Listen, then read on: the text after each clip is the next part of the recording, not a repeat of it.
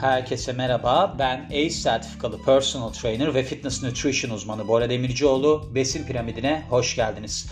Bugün size bitkilerden alamayacağınız 7 besinden bahsedeceğim.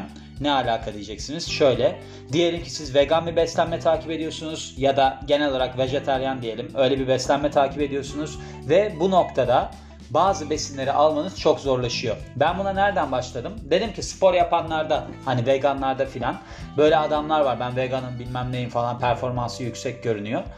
Acaba dedim kreatin alabilirler mi? Çünkü kreatin nedir? Ya da yani ona benzer bir ürün var mı diye. Çünkü kreatin nedir? Kreatin aslında bizim kaslarımızda, insan hayvan kaslarında ve de bir kısımda beyinde bulunan bir madde, bir molekül. O yüzden hani onu alabiliyorlar mı diye merak edip bir bakayım dedim.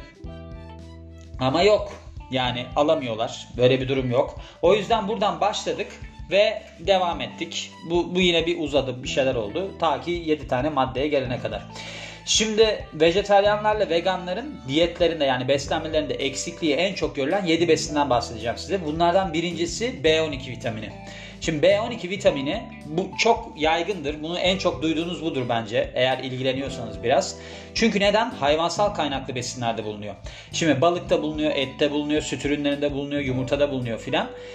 Suda çözünüyor ve bu aslında kırmızı kan hücresi yapımında sinirlerin ve normal beyin fonksiyonlarının korunmasına rol oynuyor. Buraya kadar her şey güzel. Ama şu var.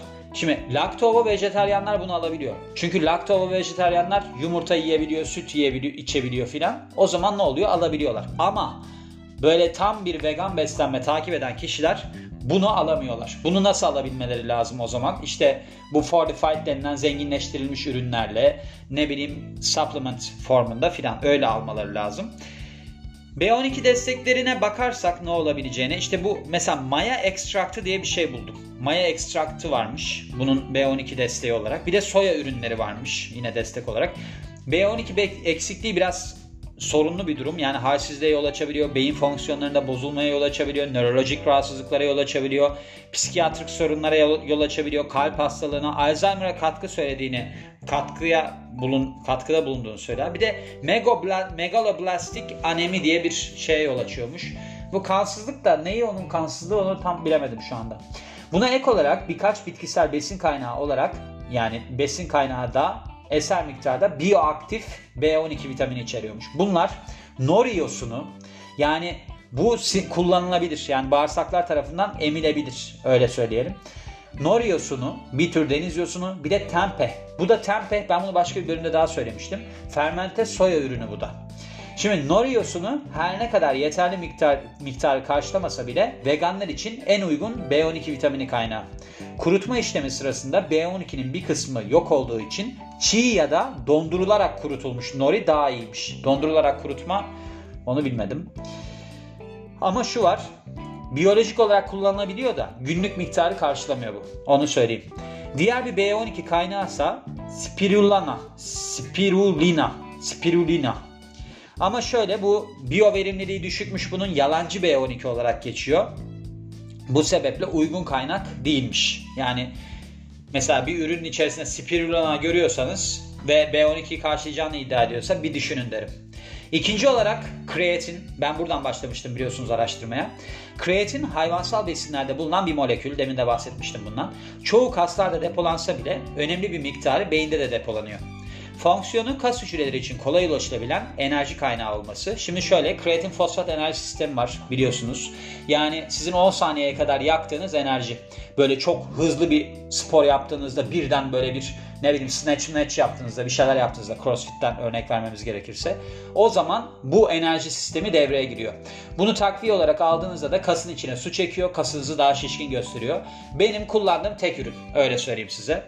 Bazı şeylerde hatta ona ben yer de vermiştim işte saçı döker bilmem ne yapar filan gibi şeyler de var görüşler de var. Bilmiyorum ben de dökmüyor. Döküyorsa saçınızı bırakın kullanmayın. Demin de bahsettiğim gibi enerji kaynağı olarak kullanılıyor. Daha yüksek güç ve dayanıklılık veriyor. Bu sebeple kas yapımındaki en popüler supplement. Araştırmalara göre kreatin destekleri hem kas kütlesini hem de gücünü artırıyor.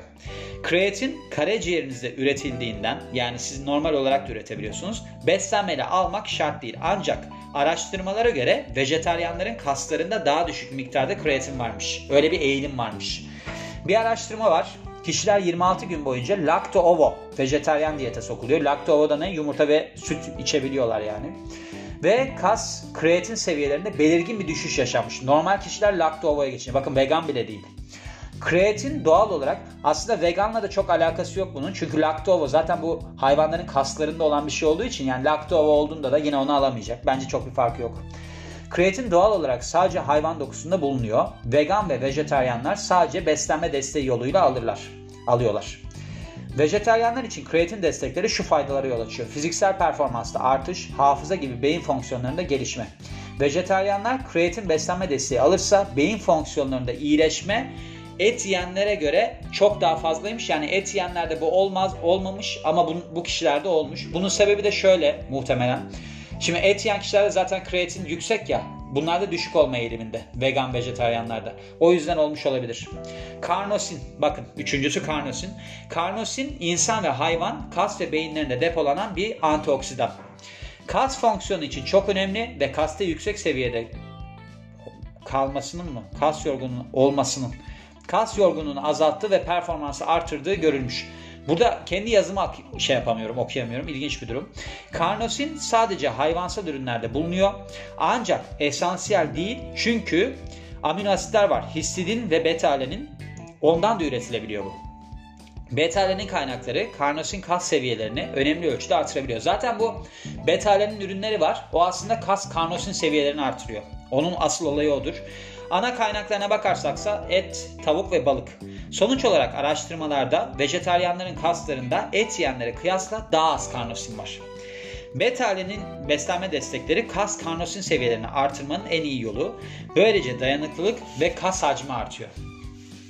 Yani o beta-alenin aslında karnosin olarak zaten benim hatırladığım şey vardı. Ben bunu yapmıştım. Body Salonu.com sistem var benim. Orada yapmıştım bu karnosin seviyelerini artırmasının avantajı olduğunu söylüyorlardı betalerinin. Ben onu orada da burada şimdi Healthline falan çevirdim de orada ben bayağı hardcore vücut dergilerinden çevirmiştim onu. Hatırlamıyorum şimdi kaynağını da. Muscle Fitness olabilir, Bodybuilding.com olabilir öyle bir şey. D3 vitamini. Vitamin D yani D vitamini çok önemli fonksiyonları olan ve insan için gerekli bir besin. Diğer adı sunshine vitamini yani güneş ışığı vitamini. D vitamini biliyorsunuz güneşten de alınabiliyor. Beslenme yoluyla alınmak böyle mecburi değil. Cildiniz güneşe maruz kaldığında üretilebiliyor. Güneş ışığı kısıtlıysa besin veya beslenme desteği formunda almamız gerekiyor. Şimdi iki çeşit D vitamini var. Bitkilerde bulunanı buna D2, hayvansal bazlı olanı D3. D3 daha etkili. En iyi kaynakları ise balık ve yumurta sarısı. Diğer kaynaklar arasında morina karaciğeri yağı, süt ve kahvaltılık gevrekler var. Yani gördüğünüz gibi lakto ovalar için çok da sorun değil. D vitamini eksikliği Osteoporoza, kansere, bu osteoporoz genelde ileri yaşlarda oluyor. Kansere, kalp hastalığına, MS'e, multiple skleroz, depresyona, beyin fonksiyonlarında gerilemeye ve kas kaybı ve güçen, düşen güce sebep oluyor. Bu da ileri yaşlarda oluyor. Şimdi veganlar bunu D3 beslenme desteği olarak alabilir. Bir de liken yosunundan alabiliyormuş. Liken. Liken diye bir şey varmış onu bilmiyordum yeni öğrendim. DHA beşincisi. Şimdi DHA gerekli bir amino asit ve beyin gelişimi ve fonksiyonu için gerekli. Şimdi şöyle bu anti-enflamatuar da aynı zamanda omega 3 biliyorsunuz yani iltihaplanmayı falan düşürüyor. Ve eksikliğinde de beyin sağlığı ve beyin fonksiyonlarında sorun yaşanıyor. Genelde yağlı balık, balık yağı ve bazı mikroalglerde bulunuyor.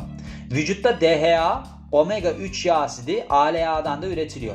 Bu ALA işte yine bir omega 3 formu fakat şöyle o ALA'dan DHA'ya dönüştürülüyor. ALA bitkisel olarak şeyde var, keten tohumunda var. İşte chia tohumunda var, cevizde var filan.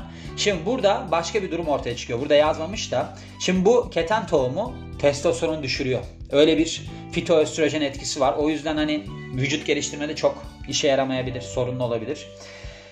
Şimdi demin de bahsettiğim gibi bu ALA'dan DHA'ya dönüşüm çok etkisiz ve kandaki DHA seviyeleri yeterince artırılamayabiliyor. Bu sebeple vejetaryenler ve veganlar et yiyenlere göre genelde daha düşük DHA'ya sahip oluyorlar. Veganlar bu önemli yağ asitini algal yağ olan ve bazı mikroalgillerden yapılan şekilde alabiliyormuş. Algal yağ. Hem demir, şimdi demir 6. olarak demir hem olan demir var hem olmayan demir var. Şimdi hem demir sadece ette özellikle de kırmızı ette bulunuyor. Öyle bu karaciğerde maraciğerde oluyor. Ve genelde bitkilerde bulunan hem olmayana kıyasla daha iyi emiliyor. Şimdi şöyle ben bunu daha önceden demir diye bir bölümde bahsetmiştim. Şöyle oluyor bu durum. Şimdi sizin bunu emebilmeniz için ya iki katı kadar miktarda almanız gerekiyor. Mesela ette alacağınız bir birimse iki birim almanız gerekiyor bitkiselde. Bir de ikincisi C vitaminiyle beraber almanız gerekiyor. Demirin emilmesi için. Yani eğer ki bu şekilde takip ederseniz bunda çok sorun yaşamayabilirsiniz. Ama demir önemli. Biliyorsunuz oksijenin taşınması falan açısından halsizlik yapar. Yani bitkisel demir kaynaklarına da bakarsak ne olabilir mesela? İşte ıspanak olabilir, yeşil mercimek olabilir, soya olabilir, fasulye olabilir, nohut olabilir, chia tohumu, tahin olabilir. Bitki şeyden meyvelerden kivi, portakal, yine sebze olarak kırmızı dolmalık biber. Bunlar hep hem olmayan demir kaynakları yani bitkisel bazlı demir kaynakları. Taurin, Yedinci ve son olarak taurin aralarında beyin, kalp ve böbreklerin olduğu pek çok vücut dokusunda bulunan bir sülfür bileşiği. Vücuttaki fonksiyonu tam bilinmese de görünen o ki kas fonksiyonları, safra tuzu oluşumu ve antioksidan savunmasında rol oynuyor. Taurin sadece süt ürünü, balık, et ve tavukta bulunuyor. Vücutta da az miktarda üretiliyor. Yani bu da aslında dışarıdan beslenme formunda yani beslenme desteği formunda almanız gereken bir şey. Çok önemli mi? Çok önemli değil. Ama gördüğünüz gibi çoğunlukla çok önemli şeyleri bitkisel kaynaklardan almamız zor. Onlara onun için size alternatifler de söyledim ve bu bölümün de böylece sonuna gelmiş oldum. Beni dinlediğiniz için çok teşekkür ederim. Ben Bora Demircioğlu. Yeni bir bölümde görüşmek üzere. Hoşçakalın.